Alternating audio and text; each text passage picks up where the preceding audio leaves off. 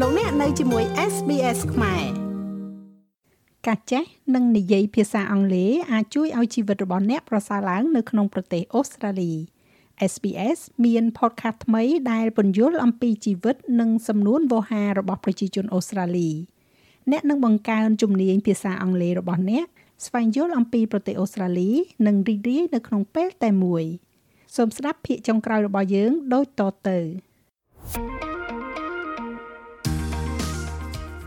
Learning English helps me to talk about my diet. Hello and welcome to the SBS Learn English podcast, in which we help Australians to speak, understand, and connect. My name is Josipa, and like you, I'm still learning new phrases and vocabulary that helps me communicate better in English. In this episode, we'll practice how to talk about food, diet, and our body weight. But first, let me remind you that we have learning notes, quizzes, and transcripts on our website, so you can keep learning after listening to this episode. An English language proverb says that an apple a day keeps the doctor away. The meaning behind this common saying is that if we have a healthy, balanced diet, we probably won't need to go to the doctor because we won't be sick. Now, I don't know about you, but during the restrictions and lockdowns in the past two years, I've become a bit of a couch potato. That is, instead of exercising outside, I spent a lot of time eating unhealthy snacks on the sofa, and now I find that I have put on a little weight. I might say I've put some weight on. Let's hear what other expressions we can use to say we have gained some weight. With us are Alan and Marianne. I really need to get into shape. Otherwise, I won't fit into the suit I'm planning to wear for the wedding. Keeping an eye on calories might help you to slim down. Yeah, I definitely need to cut down on carbs and cut out fast food and soft drinks. Basically, you need to resist eating too much comfort food. It's easy to stack on the kilos when you eat too much junk or highly processed food. Let's look into one phrase at a time. Alan said, I really need to get into shape. Alan needs to get into shape. That means that he wants to become lean and fit. You can also say get back into shape if you are going to become fit and healthy once again. For example, after giving birth to my daughter, I started swimming to get back into shape. Marian then said, Keeping an eye on calories might help you to slim down. Keeping an eye on something means to carefully watch it. You can use this for something like calories, which is a measurement of energy in food, or people. For example, you might say to your child, Don't be naughty, I'm keeping an eye on you.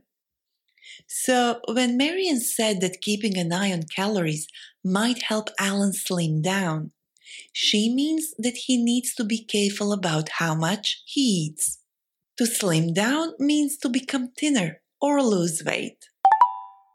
Yeah, I definitely need to cut down on carbs and cut out fast food and soft drinks. Alan needs to cut down on carbs and cut out fast food. Carbs is short for carbohydrates. And if you need to cut down on carbs, you need to reduce them, meaning you need to eat less food that has a lot of carbs, such as bread, pasta, potato, cookies, corn, and so on. Alan also wants to cut out fast food and soft drinks. If you cut something out from your diet, you stop eating or drinking it completely. At the end, Marian said, Basically, you need to resist eating too much comfort food. It's easy to stack on the kilos when you eat too much junk or highly processed food. Comfort food is the type of food that makes us feel comfortable. We often want to eat it when we are sad or worried.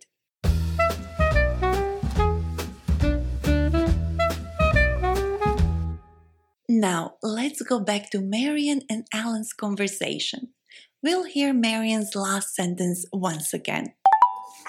It's easy to stack on the kilos when you eat too much junk or highly processed food. Yeah, I need to go on a diet. I've read somewhere you can lose weight fast with a crash diet. I don't know if diets actually work. I've been on every diet from Atkins to a flexitarian diet, and I put the weight straight back on every time. You know what else worries me? I have both lactose and gluten intolerance. So I should probably speak to a nutritionist before making any big changes. In this dialogue, Marian used two different expressions to talk about gaining weight. First, she said it's easy to stack on kilos. And later, she told us how after diets, she always puts the weight straight back on talking about other people's weight can be very sensitive, and some softer, more considerate ways of saying that somebody gained weight are he's looking a little bit heavier, or she's rounded out a bit. Now, let's hear Marian again. It's easy to stack on the kilos when you eat too much junk or highly processed food. Junk food is the same thing as fast food and by that we mean food that is high in fat and carbs and often low in nutritional value. Highly processed food are unhealthy foods that have been made in factory. Yeah, I need to go on a diet. I've read somewhere you can lose weight fast with a crash diet.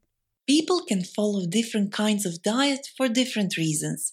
For example, for medical reasons if you want to start a diet like me, you could say, I've put on five kilos, I need to go on a diet.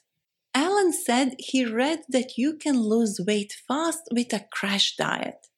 A crash diet is a diet designed to help people lose weight very fast. Marion then mentioned some other popular diets. Let's hear them again. I don't know if diets actually work. I've been on every diet from Atkins to a flexitarian diet, and I put the weight straight back on every time. The Atkins diet is a low carb diet, and people who follow this diet will eat foods low in carbohydrates, such as fruits, vegetables, whole grains, low fat dairy foods, poultry, fish, nuts, and beans. A flexitarian diet is, as the words flexible and vegetarian suggest, a semi vegetarian style of eating that encourages eating less meat and more plant based food. So, if you are thinking of becoming a vegetarian but are not ready to give up meat entirely, you could say, I'm on a flexitarian diet. There are too many diets to mention them all. Can you think about any other diets you have heard of? And lastly, Alan said, You know what else worries me? I have both lactose and gluten intolerance, so I should probably speak to a nutritionist before making any big changes. If you are intolerant to something, it means that your body reacts badly if you eat it or drink it. Alan is lactose and gluten intolerant, so he thinks it would be best to speak to a nutritionist. A nutritionist is a person who is an expert on the impacts of food on health and well being. You can also ask advice from a dietitian. The main difference between dietitians and nutritionists is that most dietitians have graduated with a degree from an Australian university. In contrast, nutritionists aren't regulated and may not have many qualifications.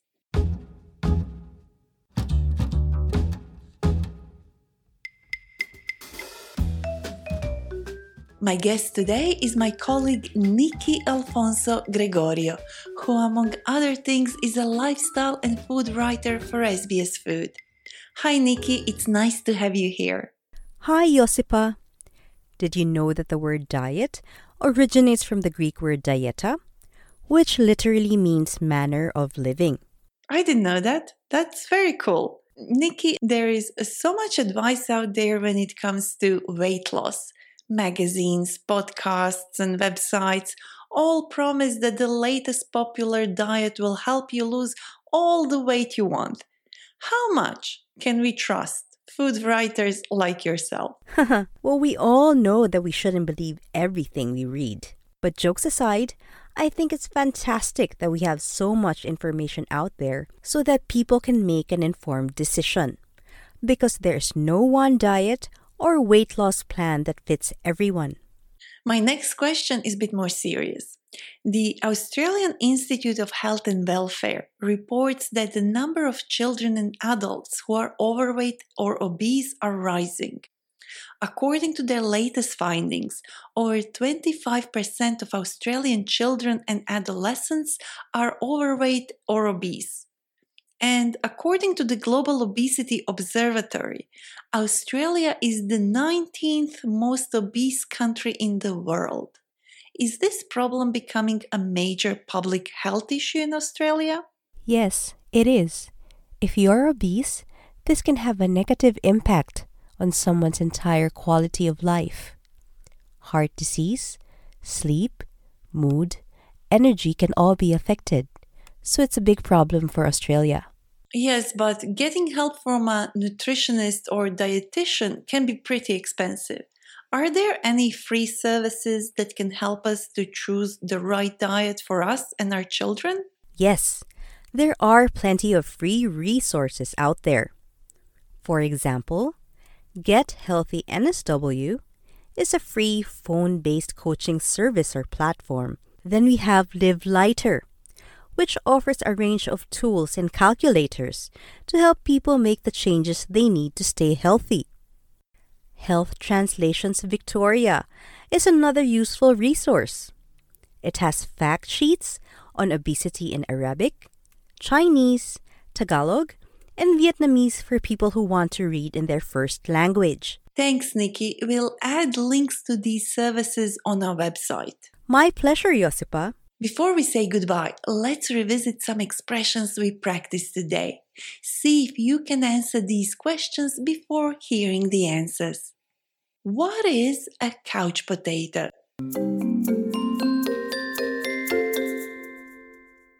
A couch potato is a person who gets little or no exercise and spends a lot of time on the couch, watching a lot of television.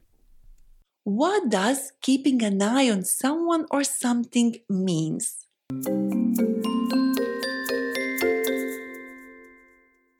Keeping an eye on someone or something means watching someone or something very carefully.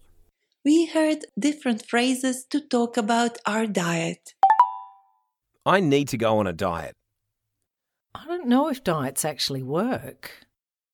I've read somewhere you can lose weight fast with a crash diet. I've been on every diet from Atkins to a flexitarian diet. I have both lactose and gluten intolerance. Keeping an eye on calories might help you to slim down. I definitely need to cut down on carbs and cut out fast food and soft drinks. I need to resist eating too much comfort food. I'm on a flexitarian diet. That's all we have for today. Now head to sbs.com.au slash learn English and test your listening and understanding skills with our quiz. There you can also find additional learning notes and transcripts. And if you would like to get in touch with us, send us an email learnenglish at sbs.com.au or reach out on Facebook. We are SBS Learn English. Thank you for listening. You've been listening to an SBS Learn English podcast.